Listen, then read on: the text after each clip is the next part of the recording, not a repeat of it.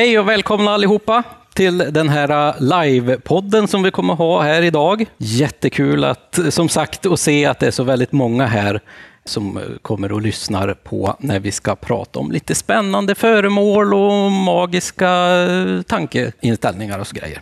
Och idag så är vi ju då på Historiska museet i Stockholm. Jätte, jätteroligt att få vara här och besöka.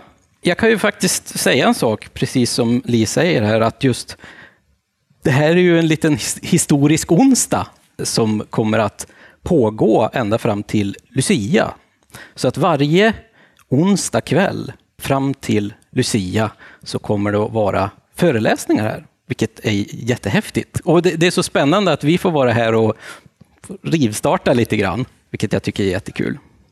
Det är jag som heter Lars Wahlström och eh, jag har ju som vanligt med mig min, eh, vad säger, vad säger han, käre vän och kollega Tommy Kosela. Tack. Han är någon form av eh, religionshistoriker. Du är doktor i religionshistoria.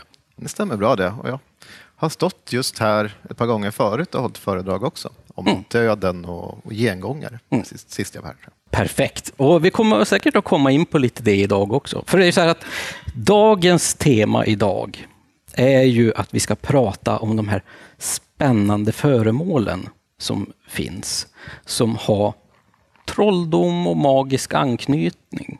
Just om svartkonstböcker och runbläck och lite olika magiska föremål. För det är ju så här att Historiska museet förvaltar ju några av landets absolut största skatter. Och då är det ju inte bara det här fantastiska guldrummet med sina vad är det, över 3000 olika föremål i silver och guld. Utan även historiska skatter i formen av vardagliga föremål och, som berättar om hur vi har levat, hur vi har utvecklats och hur vi har sett på vår omvärld egentligen.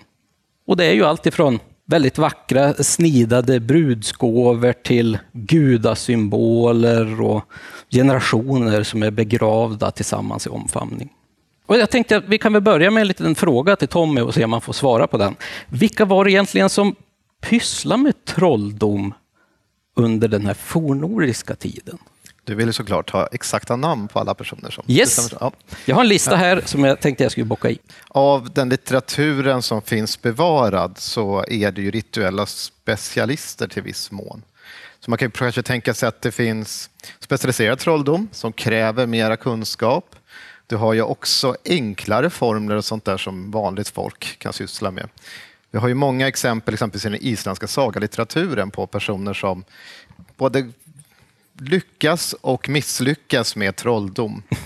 Så att det, det finns många exempel, bland annat ett exempel som jag vet att vi har tagit upp förut som finns i Egil Skallagrimssons saga. När Egil eh, är på en gård och så ligger det en sjuk kvinna där och det är för att den man har försökt att få henne bli förälskad i sig, eh, ristat runor, varit lite klantig, ristat fel så hon blir sjuk istället, varpå Egil får ta bort de här runorna och rista rätt så att hon mår bra igen. Egil själv är ju en specialist. Han är ju skald och han är väldigt kunnig i många saker, inklusive eh, runor. Då. Runor betyder för övrigt hemligheter. Mm. Det är hemligheter, själva ordet runa från början. Men han är också till stor del, enligt så som han beskrivs, en person som tycks stå guden Oden nära. En del karaktärsdrag i alla fall hos honom. Och Oden är ju den guden i den fornnordiska mytologin som framförallt förknippas med magiskt kunnande. Ja, du ser ju. Och här verkar ju just de här runorna ha ganska stor betydelse. Och det är ju så här att i en forntida värld där väder och vind och hungriga vargar är i stort sett lika farliga som dina bygrannar, så måste man ju kanske vända sig till några större makter när det inte finns ett socialt nät som vi kanske är väldigt vana vid idag. Och vi har ju en hel del fornfynd som visar en hel del på det här. Och speciellt i till exempel formen av olika runbläck och amuletter. Det är ju oftast då en kan vara en liten metallplåt av koppar eller bly som man har ristat in då runor på. Men vad brukar just de här runbläcken och de här amuletterna innehålla för någonting? Det kan vara väldigt blandat, men det finns en hel del som har eh, fått runologerna att eh, rynka pannan många gånger och, och eh, kämpa mot varandra i olika skrifter för att de är oerhört svåra att tolka många gånger. Det, det, som är det, det är oftast det som är det roligaste, det är de förmodligen, för att många av dem är då, har att göra med trollformler. Ja. Och då har man inte de här vanliga orden man förväntar sig. Och det kan vara lönrunor och annat som är väldigt svåra att eh, läsa. Mm. Vi har ju faktiskt en uh, liten fin inspelning också. Vi kanske ska lyssna på den som har med en ganska känd sån här uh, litet runbläck, liten amulett. Som dessutom finns på det här museet. Precis.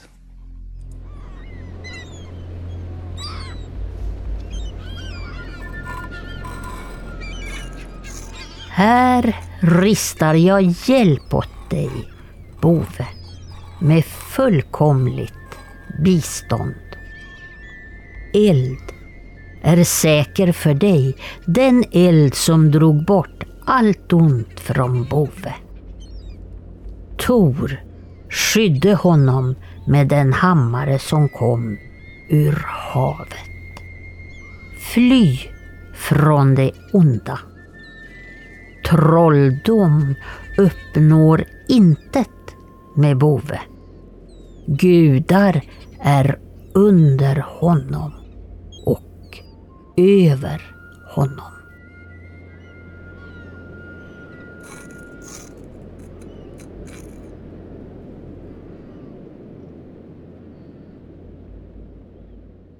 Den här lilla texten kommer ju från en liten amulett, en liten plåt med runskrift som heter Kvinnebyamuletten.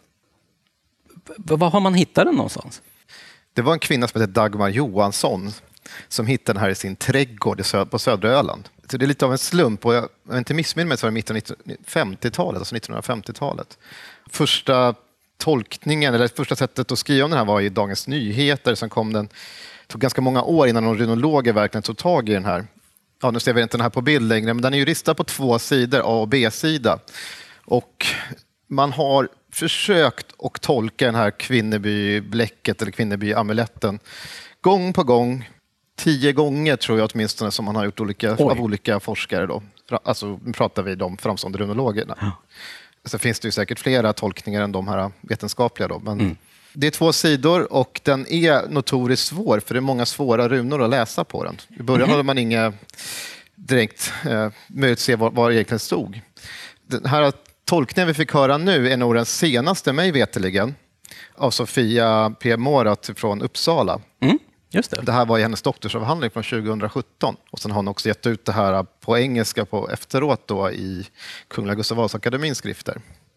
Det är en väldigt bra tolkning. Hon har tagit hänsyn till de gamla. Hon har närläst på nytt med vår tids eh, utrustning då, som kan se bättre hur det är ristat. Eh, en del gamla missförstånd, en del saker som länge hängde någonting med som man kallar för illvetter i den här eh, ristningen. Och Ilvet är ett jättekonstigt ord. Alltså då man tänkte att det var onda vättar då eller någonting. Men här snarare handlar det om alltså, fly från det onda, alltså det är trolldom det handlar om. Mm. Så det här Bove kommer skyddas på något sätt. Den här har man också gjort ett hål i som man ska kunna eventuellt bära på den. Ja, det syns ju att ja. det är verkligen som en liten amulett egentligen. Det saknas bara en liten läderrem. Liksom. Ja. Det finns vissa delar i den som påminner om kristna formler. Mm. Samtidigt som vi har guden Tor, ganska tydligt beskriven i denna, eh, på det här bläcket. Och Tor är nog inga egentligen som har ifrågasatt, som har läst denna. Mm. Någonting annat som är väldigt intressant och märkvärdigt på den, det är på B-sidan på slutet så är det bilden av en fisk. Ja, det har jag sett också. Den här fisken. Mm. Var, varför just en fisk? Ja, där har ju också åsikterna gått isär, som vanligt. ja, ja. Många ville se det här som ett ytterligare tecken på kristet inflytande på den här. Ah, just det. Men det behöver inte ha med det att göra. För det finns också beskrivningar exempelvis av Midgårdsormen i form av en fisk. I Hymisk kvida, som ni säkert känner till från den poetiska Eddan, där kallas ibland Tors fiskafänge när Tor och jätten Hymer ger sig ut på världshaven och Tor har i ilska slitit av huvudet på jättens favoritoxe och använder som bete. Men i den här, på isländska så kallas den som Midgårdsormen vid ett tillfälle för fisker. Så att fisk finns där. Det finns också en känd annan myt där Loke förvandlar sig till en fisk, också Ja. till en lax. Så att man har haft de där delarna, kanske har det med det att göra. Just. Samtidigt är det en tid, om man utgår ifrån hur det är ristat och sådär med språkformer och sånt, som man tidsfäst den här någonstans mellan 1000 till 1100-tal. Så den är ju precis här i gränsen. Det finns också en del folkloristiska tolkningar man försökte jämföra med finsk-ugriskt material och sådär, men den är svår. Den här äh, tolkningen som vi valde här är, som jag tycker är en av de mest rimliga, men vi får se, det kommer säkert nya, nya tolkningsförslag framöver. Det gör det säkert. Det är ungefär som när vi tittar på runstenar till exempel, att det kommer ju nya tolkningar och fors- forskning på dem också, hur de är skriven och vad, de, vad det är för slags innebörd naturligtvis. Jag tänkte vi är inne i trollformer och här är det liksom att någonting ska slå någonting. Det är ganska, känns väl naturligt att Tor är den som beskyddar och liksom slår det onda, slår iväg det onda.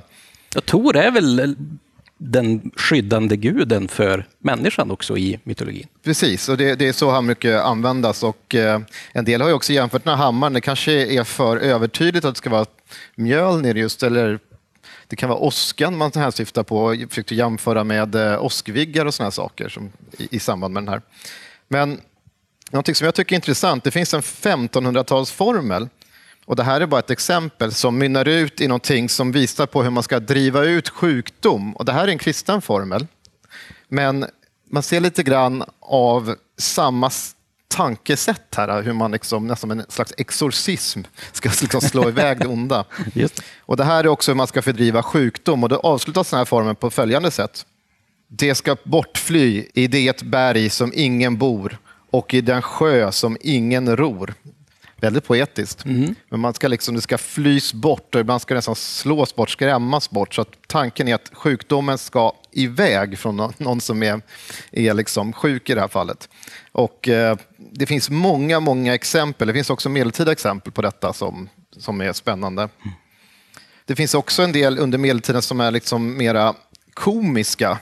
Den där som jag läste nu är från 1500-talet, så det är precis på slutet på medeltiden. Men om vi går tillbaka till 1200-talet, fortfarande lite senare än Kvinneby. Ja. Eh, Och det här är en kristen formel. Då. Det här kommer från en exempelsamling från 1200-talet, så det är en liten skämtsam berättelse, en satir. En dag, och det här är nog normaliserat då såklart. En dag hörde Johannes Parens, domare i en italiensk by, en herde sjunga över sina svin som inte ville gå in i stian. Svin, svin, gå in i er stia, som lagkunniga och domare går in i helvetet. Det gjorde svinen fogligt, men juristen blev så skakad att han blev munk. Man kan nästan höra lite i den här att, ja, Det är alltid roligt att höra att man hade väldigt bra humor även på 1200-talet, måste jag ju säga. Ni som har lyssnat mycket på oss, för jag antar att många som är här idag har gjort det och en del kanske till och med har hört vår serie vi har på Patreon om uh, fornnordisk mytologi. Och då har ni hört att vi har pratat om trolldom och sånt där. Men jag tänkte nästan, vi är inne på runor och vi är inne på trolldom och vi har nämnt guden Oden. Så vore det ju ändå kanske bra att höra en sekvens i Havamal där runorna särskilt omnämns i samband med guden Oden. Då. Och det här är då en översättning av Dag Strömbäck. Jag vet att jag hängde i vindsvept träd i nio hela nätter, sårad med ett spjut, given åt Oden, själv åt mig själv. I det träd om vilken ingen vet vart dess rötter går. Inget bröd gav de mig, inte heller hornet. Jag spanade nedåt, jag tog upp runor, tog upp dem skrikande. Jag föll åter ner därifrån. Nio mäktiga formler fick jag av den kände sonen till Böltor, Bestlas far.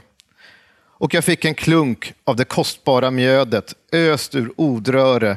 Då började jag frodas och bli vis, växa och utvecklas. Ett ord fann det andra åt mig. Ett verk fann det andra åt mig. Runor ska du finna och kunskap att tyda. Mycket stor kunskap, mycket kraftfull kunskap. Som stortalaren målade, och de mäktiga makterna gjorde och gudarnas kropp ristade. Oden hos asar, Dain för alver, Dvalin för dvärgar, Asvid för jättar. Jag ristade själv några runor. Vet du hur man rista skall? Vet du hur man tyda skall? Vet du hur man färga skall? Vet du hur man prova skall? Vet du hur man bedja skall? Vet du hur man blota skall? Vet du hur man sända skall? Vet du hur man offra skall? Kraftfullt. Oh, oh. Jag blir alldeles till mig. Det här är ju jättebra exempel på runornas hemliga och magiska kraft. Och jag förstår ju också då att man kan använda dem när man vill till exempel tillverka de här Eh, amuletterna, de här runbläcken, som har oftast den här skyddande formen. Att där får även runorna som en extra kraft, förutom just själva eh, texten. Jo, och det finns mycket. Och det finns förbannelseformler på stenar. Vi tänker så oftast med run, runor att det är stenar, runstenar. Men det är ju förmodligen bara en liten, liten del av det som har ristats en gång i tiden. För merparten ristades på ben eller trä eller någonting annat. Och det mesta av det där har ju försvunnit med tidens gång. Mm. Eh, lite har ju bevarats, som man har hittat ibland på i Sigtuna exempelvis. Där finns det också magiska, magiska runor. Men någonting som jag tycker är fascinerande är i Norge, i Bergen. Någon någonsin har varit på eh, brygg, i Bryggen i Bergen, alltså på museet där, så har de ett medeltidsmuseum. Och där har de fullt, för att jordmånen har gjort att det bevaras ganska mycket runinskrifter och de är från den här medeltiden, alltså 1100-tal omkring. Och flera av dem innehåller det man ska säga mundana, alltså ganska vardagliga budskap. Och en del innehåller en del versmått och en del nästan på, åt det magiska hållet. Men bland det som man har ristat, som förmodligen många kunnat, finns det såna här äh, favoriter som eh, Kysmik, alltså Kyss mig, som någon förmodligen har gett någon som ett slags sms under den här tiden. Eh, en annan säger Tora säger att du ska gå hem nu och det är förmodligen någon som har suttit och supit någonstans och så har hustrun skickat det där med runor. kan man gissa. Mm. vet vi inte. Men... Det finns väldigt blandat. Än en gång, det, det förändras väldigt lite under historiens ja, gång. Måste jag säga. Min, min gamla lärare i runologi, som för övrigt hette Rune, mm. eh, han, brukade, han kallade det här dåtidens sms. Ja, ja, ja, Vissa av de här korta, för man förkortar också. Han jämförde också med hur språket har förändrats. Från runorna var man tvungen att förkorta ner allting så mycket som möjligt, det fanns ingen plats. Och, så har ju, så, och sen flödar det ut och sen blir det sms, det blir kort igen. Så, så när man hade dålig täckning, då var det att eh, den här bud, budmannen hade blivit attackerad av en varg någonstans? Ja. Men, men det är ju så här att det här är ju väldigt hemliga, i alla fall när vi tänker på den skyddande, magiska aspekten i att använda de här runorna. Det är väldigt hemliga kunskap på ett sätt. Och några som besatt väldigt hemlig kunskap under säger jag, forntiden, lite slarvigt kanske, men det är ju någonting som vi kallar völvor. Mm. Och völvor, vad var det egentligen överhuvudtaget? Ja, det här, det här är ju ett jättestort ämne som vi skulle kunna sitta här länge och prata om. Ja, eh, verkligen. Eh, völva betyder den som, alltså stavbärerska blir ungefär mm. eh, enklast översatt. Det är en slags eh, förkristen eh, spåkvinna, kanske är lättaste sättet att översätta det här till. Det är någon som sysslar med sejd. Och seider är ett eh, fornnordisk form av magi eller trolldom på den tiden som har mycket divinatoriska spådomsdelar i, i sig. Så man kan spå i väder och eh, framtiden hos olika personer. Man kan liksom se in i nästan ödets väv på sätt och vis. Eh, och det var kvinnor som sysslade med detta. Just det. Och den stora som hade lärt ut den, om beror på vilka källor man går till, då är det Freja som är den som lärde ut det här till asarna, står det bland annat hos Snorre. Just det, just det. Men det finns väl några kända völvor? Det jag vet, vi har pratat om Det finns väldigt förut. kända, vi har gjort den och det är ganska bra, för nu ser ju en bakom här från just Klintastaven. men det finns olika beskrivningar, för de här völvorna är ju inte bara några mytiska figurer, utan de figurerar ju också. De berättar, dels har det hittats i gravar, och sen så har man också fått flera såna här völvor beskrivna i också den isländska sagalitteraturen. Och den kändaste av alla är ju en som heter Torbjörg, alltså Lillvulvan. Eh, Okej. Völva. Ja, Och här har vi också då, eh, en beskrivning av henne. Och jag tar, det här är en längre del i en eh, saga, Erik den rödes saga.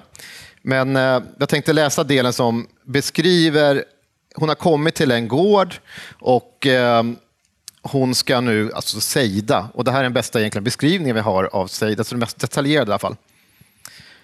Man iordningställde ett högsäte åt henne och på detta lades ett hyvene i vilket skulle vara hönsfjädrar. När hon kom om kvällen ledsagad av den man som var sänd emot henne var hon klädd på följande sätt. Över sig hade hon en blå med remmar sammanhållen mantel som var besatt med stenar ända ner till flikarna. Om halsen hade hon glaspärlor och på huvudet en svart lammskinnsluva som var fodrad med vitt kattskinn. I handen hade hon en stav försedd med en knapp. Denna stav var prydd med mässing och besatt med stenar upp till runt omkring knappen. Omkring midjan hade hon ett av fnöskesvamp gjort bälte på vilket hängde en stor skinnpung. I denna förvarade hon det trolldomsmedel hon behövde för utövandet av sin konst. På fötterna hade hon ludna kalvskinnskor med långa och starka remmar i vilkas ändar sutto stora mässingskulor. På händerna hade hon kattskinshandskar som invändigt vore vita och ludna. När hon kom in betraktade alla det som sin skyldighet att vördnadsfullt hälsa henne och hon besvarade var och ens hälsning, allt eftersom vederbörande behagade henne. Forkel bonde tog spåkvinnan vid handen och ledde henne till den plats som var iordningställd för henne. Han bad henne låta blicken fara över fä, folk och bostad. Hon var fåordig om allt. Bord blev framsatta om kvällen och nu är att omtala att mat gjordes i ordning för spåkvinnan.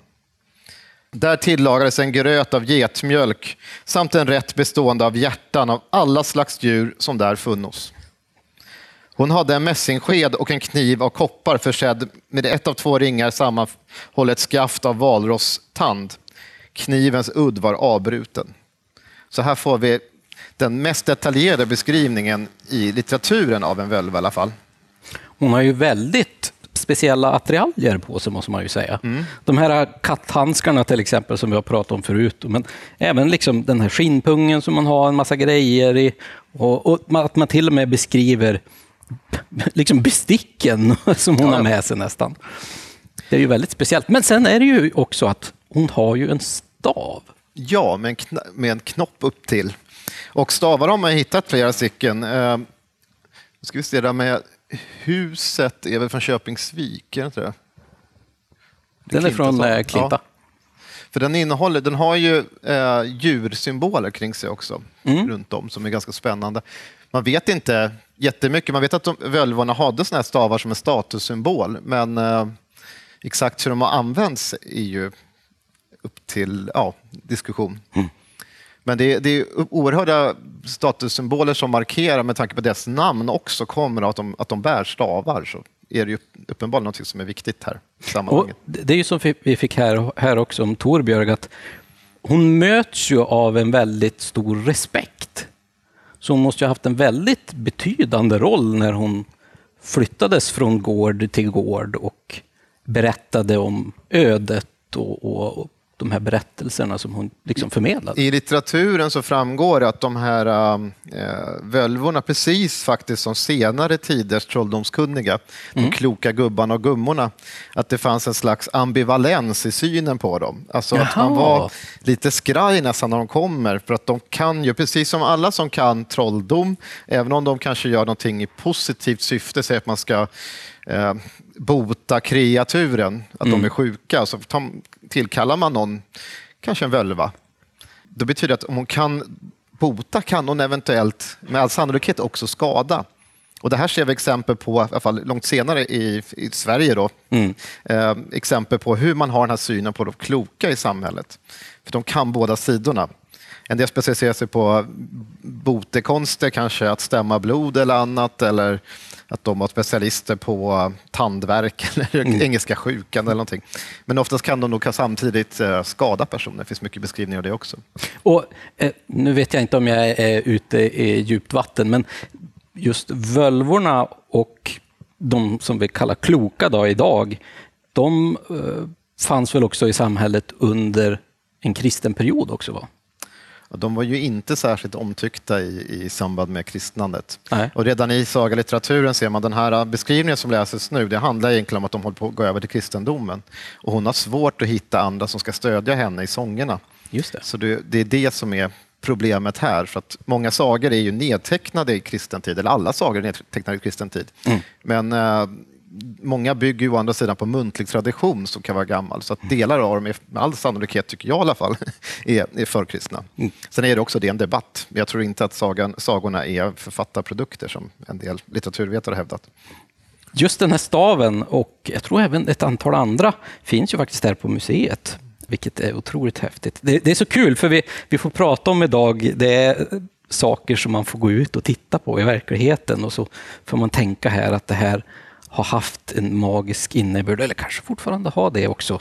Eh, vilket är, det, så, det, blir så mycket mer spännande. Eh, det här är inte döda produkter som har funnits en gång i tiden, utan vi kan faktiskt gå fram. Nästan så att man får ta på dem, men eh, det brukar alltid vara en glasruta i vägen, vilket jag tycker är lite men det jobbigt. Är också de här stavarna som völvorna använt har ju blivit jättepopulära på sistone, alltså mm. i forskningen också. Mm. Och jag skulle säga att en forskare som har gjort detta eh, som har gjort det väldigt populärt är en arkeolog som heter Neil Price mm. i sin avhandling The Viking Way som ju också har kommit i en andra upplaga nu. För så finns det två, men den, den, finns nu att få tag på. Men den, han går igenom i detalj just olika stavar och diskuterar hur de har hängt ihop i, samband med eh, de skriftliga källorna. Då. Mm. Så det, det, är ett hett tips om ni är intresserade av de här stavarna, så läs Neil Price, eh, The Viking Way.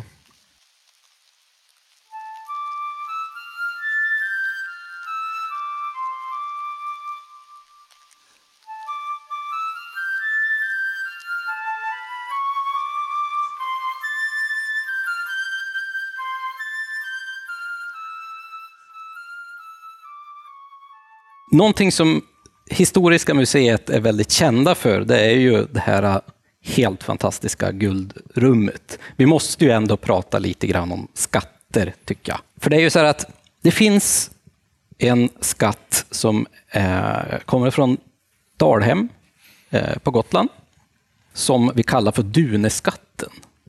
Och det är faktiskt en av Europas största guldskatter. Och det är alltifrån fat till guldringar, men även en liten kopp. Ganska fin liten kopp som eh, vi brukar kalla Dunekoppen då, eh, i silver. Den är ju väldigt trevlig och fin att se på, men den har ju lite speciellt också. För att i botten på den här koppen så är det ristade runor i nästan som en liten fyrkant så här. Men det är en ganska specifik text många eh, föremål med runor, kan vara dopfuntar och allt möjligt, är ju faktiskt skrivna med runor, fast det är latin. Så att vi, ibland kan man få eh, föreställningen om att bara för att det är runinskrifter så är det liksom för kristet eller att det är eh, någonting väldigt, väldigt gammalt. De flesta runstenar är för övrigt de är ju kristna. Mm. Nästan majoritet, en stark majoritet är de ju kristna men, och innehåller samma formler ungefär. Eh, men de är ju skrivna på eh, fornnordiskt språk. Då. Eh, Medan det finns också en del som då är på latin. Och satorformen eller paternosterformen är en sån här typisk, man kan liksom kombinera på olika sätt från olika håll, så det man leker lite grann. Det är liksom, man kan, man kan liksom jämföra det med det som många kan, känner till när det gäller trolldom, abrakadabra. Alltså ja. har. Och det har ju också diskuterats var det kommer ifrån. Mm. Att det är de första bokstäverna i det grekiska alfabetet eller om det har ihop med en demon som heter Abraxas eller inte. Det finns alla möjliga teorier om den också. Men det är, det är såna här, äh, vissa ord, vissa formler i sig blir kraftfulla bara för att de kommer då kanske från ett kristet språkbruk eller någonting annat. Mm. Fader vår är ju såklart någonting som kom, förekommer på många olika föremål. Mm. Och den, just den är ju väldigt speciell också. Jag kan faktiskt läsa den. Det är ju Sator, Arepo, Tenet, Opera, Rotas. Och det blir exakt samma sak om man läser den baklänges. Mm. Men det här är ju en ganska vanlig inskription som vi ser på Ja, ja, ganska visst. många olika föremål. Ja, och även långt fram senare att man får, det lever liksom kvar in i, alltså, i, i skriven form i, på pergament och sen på papper till och med senare. Att man har de här formlerna kvar. Eh, Och det här är latinska formler eh, som är, i den här tiden är det ju inget konstigt för att det är liksom eh, katolskt land och svenskar är katoliker. Men, men senare lever de ju kvar efter eh, Vasa tycker att vi ska bli vända, vända till den lutherska tron. Och då lever mycket av de här katolska formlerna kvar i trollformler Ja, just det. senare, vilket jag tycker är superfascinerande för att då har de här eh, orden i sig blivit så kraftladdade så att man tycker att det kan man stärka formlerna med. Mm. Så att man hittar helgon och man hittar Maria och allt möjligt också i trollformler som absolut inte är från katolsk tid utan senare. Ja, det där är ju väldigt fascinerande. Det ska vi faktiskt... Vi kanske ska surra lite om det också sen när vi Och, kommer och ännu mer så man kan hitta, som är ännu mer spännande i det här sammanhanget, man hittar ju också ibland blandningen när också de fornnordiska gudarna förekommer i detta. Ja, det är ju också ganska fascinerande att när man använder då Oden eller Tor till exempel i de här eh, trollformlerna egentligen. Den här eh, koppen kommer ju från den här Duneskatten. Och när vi har pratat om de här bara små bläcken, runbläcken som ska ha en skyddande funktion. Det finns ju en hel del berättelser och sägner också om just skatter som kanske har någon form av skydd över sig som man måste överkomma eller att det finns förbannelser kopplad till de här skatterna också. Det är väl ganska vanligt i... Ja, men det, det finns ju, vi har, det lever ju kvar in i modern tid i föreställningen om i sig fantasy att det ligger en drake och ruvar över en stor skatt. Skatterna har en väktare och det här är gammalt. Alltså det är gamla föreställningar som går tillbaka till medeltiden eller ännu äldre. Beowulf-dikten, den fornengelska dikten Beowulf. Vad, vad, är, vad är det som vaktar en skatt där? Jo, men det är ju en drake som eh, Beowulf måste dräpa eftersom en är där och snor en sak av honom. Vi pratar inte Tolkien utan vi pratar faktiskt Beowulf. Även om han har tagit den här idén just från Beowulf med flit. Men det finns det också senare. Det kan vara skattväktaren kan vara en höna.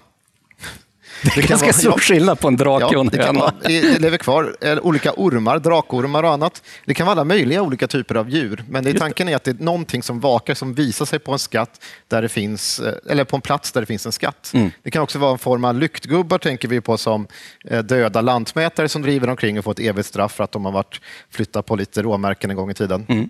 Det visar ganska mycket hatet också mot lantmätarna. Men ibland så kan det bara vara ett ljus som visas på en plats där det faktiskt finns en skatt också. Mm. Och vissa såna här äh, sägner om skattvagnar och sånt där, vi hade ett helt avsnitt om det här, äh, men har ju visat sig att förmodligen innehåller en kärna av sanning, för man har hittat skattvagnar eller skatter på platser där det funnits sägner som är väldigt, väldigt gamla, eh, just på de här platserna. Och sen har ju liksom det man berättar runt omkring helt förändrats, men kärnan av att det är en skatt någonstans, eh, vad heter det, Trudholm, eh, Trudholmvagnen va? Där Ja. i Danmark, ja, Precis. är ju den kanske mest fascinerande som det fanns sägner om just en sån här skatt innan man hittade den här sk- stora, stora skatten som finns i Nationalmuseum i, i Köpenhamn. Det är inte så att ni har haft några sådana här eh, små griniga lantmätare i guldrummet någon gång? Man tycker ju att under årens lopp så borde det ju liksom dyka upp ett antal olika. Det kan vara värt att hålla koll på. Det tror jag faktiskt. Jag tänkte att vi skulle kanske gå in på någonting som du tycker i alla fall är väldigt, väldigt spännande. Ehm, och jag tror att många har eh, liksom kommit hit för att lyssna på det också. Nu insinuerar bara Lars att jag är barnslig här. För att höra Ja, ja, eh, mm, ja, det är precis det jag instruerar. Nej, men vi kanske ska gå in på det här spännande ämnet med svartkonst. Och då ska vi börja med den här äh, texten som äh, vår kära Eva har läst in? Vad tror det du om det? Jag absolut.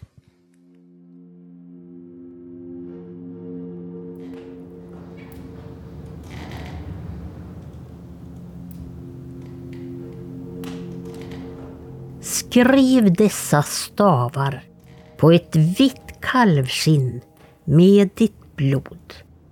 Du tar blodet från låret och säger jag ristar dig åtta assrunor, nio naudrunor och tretton tursrunor, vilka må plåga dig och din buk med svår utsot och väderspänning. Och alla dessa runor må pina din buk med ett våldsamt fjärtande. Losse dina stöd och ben och briste och trycke dina inälvor måtte aldrig ditt fjärtande upphöra, varken dag eller natt. Vare sig du är medvetslös eller svag som fienden lok eller och från alla gudar så är du bunden. I ditt mäktigaste namn, Herre, Gud, ande och skapare. Oden, Tor, frälsare, frö och Fröja. Oper, Satan, Belsebub, medhjälpare, mäktige Gud, värn och följeslagare. Otios, Mors, Nocte, Vitales.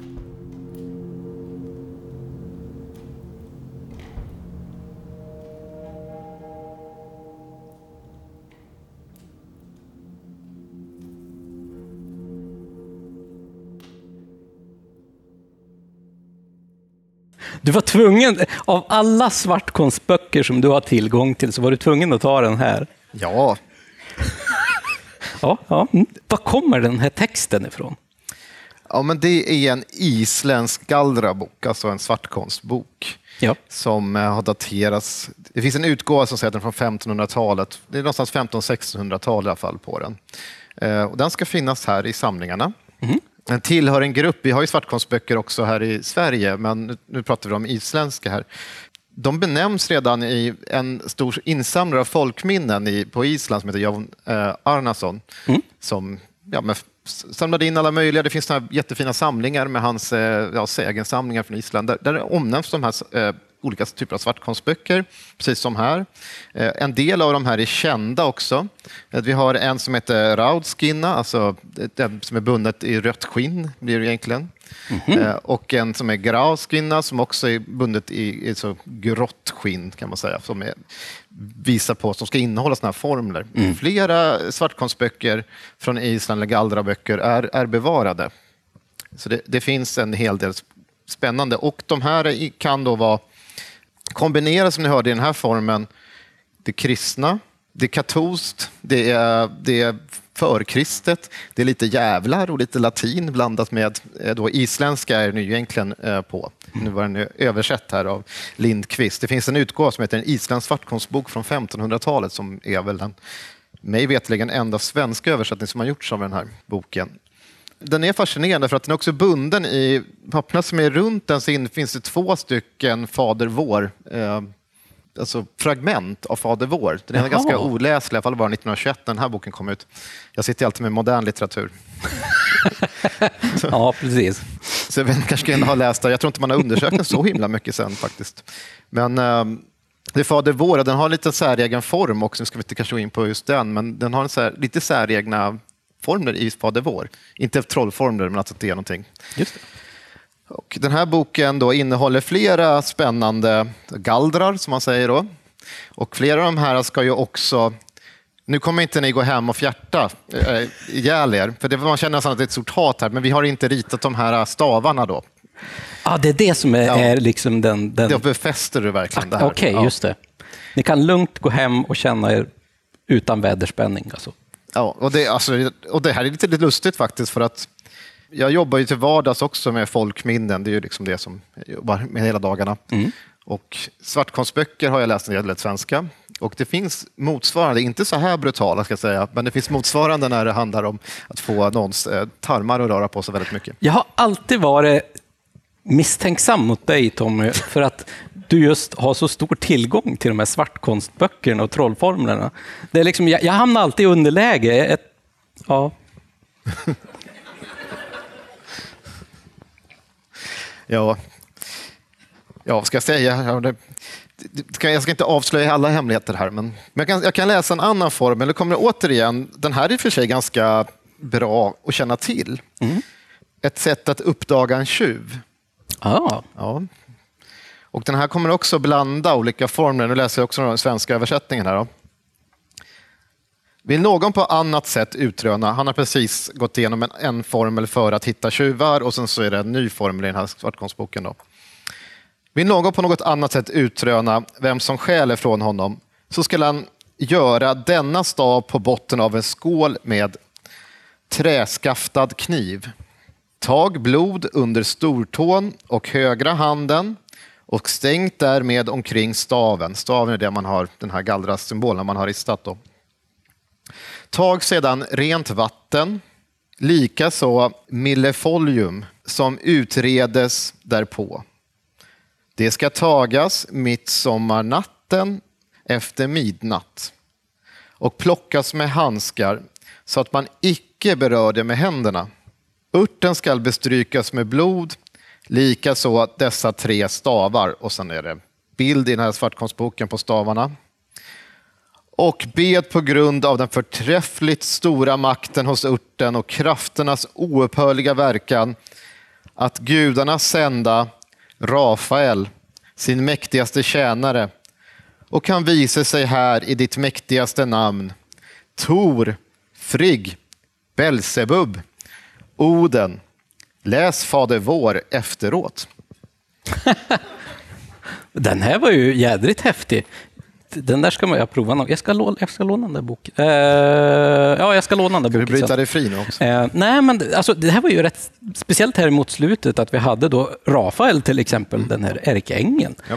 Men även att hade vi Oden och Tor och, och, så här. Det var ju rätt häftigt. Det, det är en liten konstig kanske mix kan det tyckas ibland. Ja. Vad skulle en präst säga om den här typen av eh, blandning? Belsebub, Oden och, och så ska du läsa Fader vår på det. Ja, det är, ja. Det är väldigt speciellt.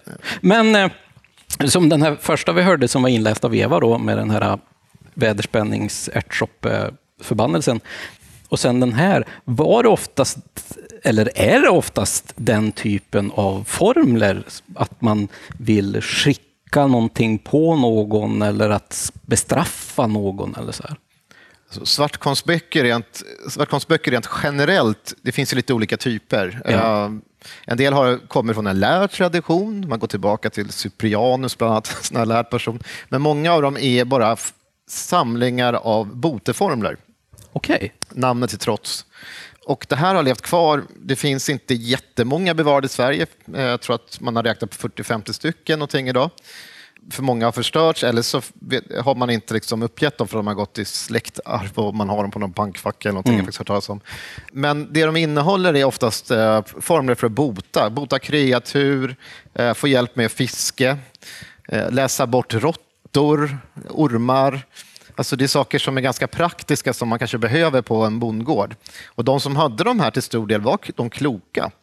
Just. Och sen har du den andra sidan som är kanske den mer hotfullt farliga sidan, det är eh, att väcka kärlek. Låter jättegulligt, men det är det verkligen inte. Alltså här ska man eh, tvinga någon att bli förälskad i sig eh, med trolldom. Och sen så har du sånt som att du kan sätta sjukdomar på folk. Du kan slå ut ögat på en tjuv. Det är ganska vanligt i de svenska svartkonstböckerna. Mm -hmm. Och det finns, det har sett någon enstaka gång att det också har med den här tarmrörelserna att göra, att man kan sätta på någon. Och sen så har du med trollskott, finskott och vad det kallas för, olika namn. Mm. Att man kan sätta på någon sjukdom helt enkelt. Är det där vi kommer till den här svart, det svarta i den här svartkonsten då? Ja, alltså av kyrkan betraktas ju allt det här som alltså, trolldom överlag, det är ju Just det. Ja, det är inte okej. Okay. Även fast man har de här ändå väldigt kristna symbolerna. Ja, det spelar ingen roll egentligen från kyrkans sätt att se på saken. Alltså, du, du har ju, om en präst kanske läser en bön Ja, det är en sak. Men börjar du ta kommando över makten och så där, då är det trolldom. Och det, då sånt tänker komma från djävulen i en kyrka sätt att se på saken. Men det, ju, det har vi pratat om förut också, att i de sägner vi har, där vi pratar kanske lite mer om lite modernare folktro, då, eh, så kan ju prästerna svartkonst. Ja. Vilket blir ännu mer konstigt. Det här är så motsägelsefullt på sätt och vis, men det är också Präster var ju också en grupp i samhället, särskilt, ja, de levde faktiskt kvar ganska länge, men eh, de var skrivkunniga, de hade böcker, de hade uppenbarligen massa makt med de här böckerna. Mm. Eh, psalmböcker och annat, de kunde läsa bort det onda eller väsen eller vad som helst. Och de som kunde tillkallas mot trolldom och sånt där. Men då börjar man också fundera på var har de fått sin makt ifrån? Alltså det här är från folkets sätt att se på saken. Och då kom det idéer om Wittenberg och liksom att de har varit nere och fått, alltså, blivit skolade av självaste djävulen och lurat honom på något sätt och därmed fått sin kunskap. Så det, den typen av idéer finns också. Och det intressanta, det här är inte bara i Sverige, det är även på kontinenten finns det också mycket. Det finns till och med en, svart, en bok nere på om det är Tyskland så där, som det är en alltså en nekromant som använt den av, och det är en präst som har ägt den här, som kan få väcka liv i de döda med andra ord. Vilket eh, verkligen går helt emot eh, den kristna. Och... Ja, men så får man också se att många berättelser om svartkonstböcker behöver inte betyda att det har funnits just en präst med den här svartkonstboken. Det är också ett slags ja, skepsis, förakt ibland mot vissa präster som mm. det här kan utnyttjas och beskrivas. Att de har sin hjälp då från en bok, vilket egentligen säger att de får hjälp av djävulen. Då. Vi måste grotta in i ännu mer kring svartkonstböckerna, det känner jag ju. Och de som är, men det som kanske är mest intressant i allt det här som har direkta likheter med den svartkonstboken som finns här, det är den här blandningen med eh, förkristet och kristet. Mm.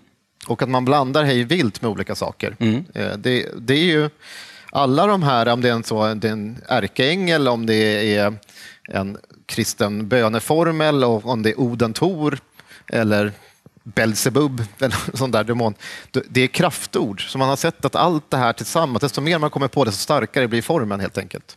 Så det är så de lever vidare. I, i den här, det blir mer och mer episkt desto mer du kan liksom, eh, få i den. Du kan alldeles för mycket om svart konst. Jag tycker att vi lämnar det här ämnet nu. Är det okej, okay, eh, Tommy? För jag börjar bli orolig okay. för vår publik.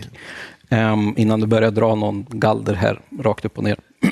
För det är ju så här att vi skulle jättegärna vilja sitta här och prata hur länge som helst. Uh, men vi måste hålla tid också under de här uh, livepoddarna. Vilket, ja, det, får vi, det får vi förhålla oss till, det är svårt. Men vill man lyssna mer på oss, Eh, för er som inte redan kanske lyssnar på oss naturligtvis, så eh, heter vi ju som sagt När man talar om trollen. Eh, och vi finns i alla möjliga poddappar och vi pratar om folktro, traditioner och, mytologi och, och, olika trosföreställningar här uppe i Norden. Och med det så tror jag att jag nästan vill tacka eh, Historiska museet. Det här har varit jätte, jättetrevligt. Och jag tycker verkligen att när ni får möjlighet gå ut i utställningen och titta eh, på de här spännande föremålen, bland annat några av dem som vi har pratat om idag. Och som sagt, fram till Lucia varje onsdag så kan ni komma hit och lyssna på fler eh, som berättar om vårt lands historia helt enkelt. Och jag vill faktiskt eh, tacka en till. Tack till dig Tommy förresten också, det kan jag ju säga. Det är som vanligt.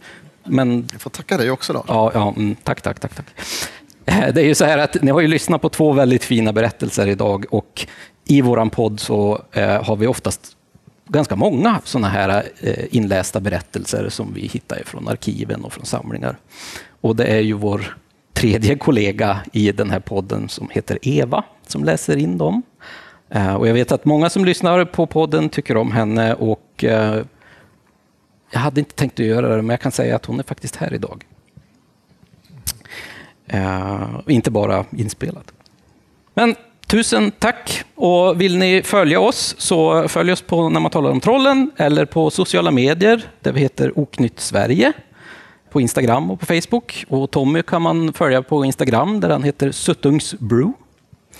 Så med det så får jag tacka så hemskt mycket och sen så tar vi lite frågor.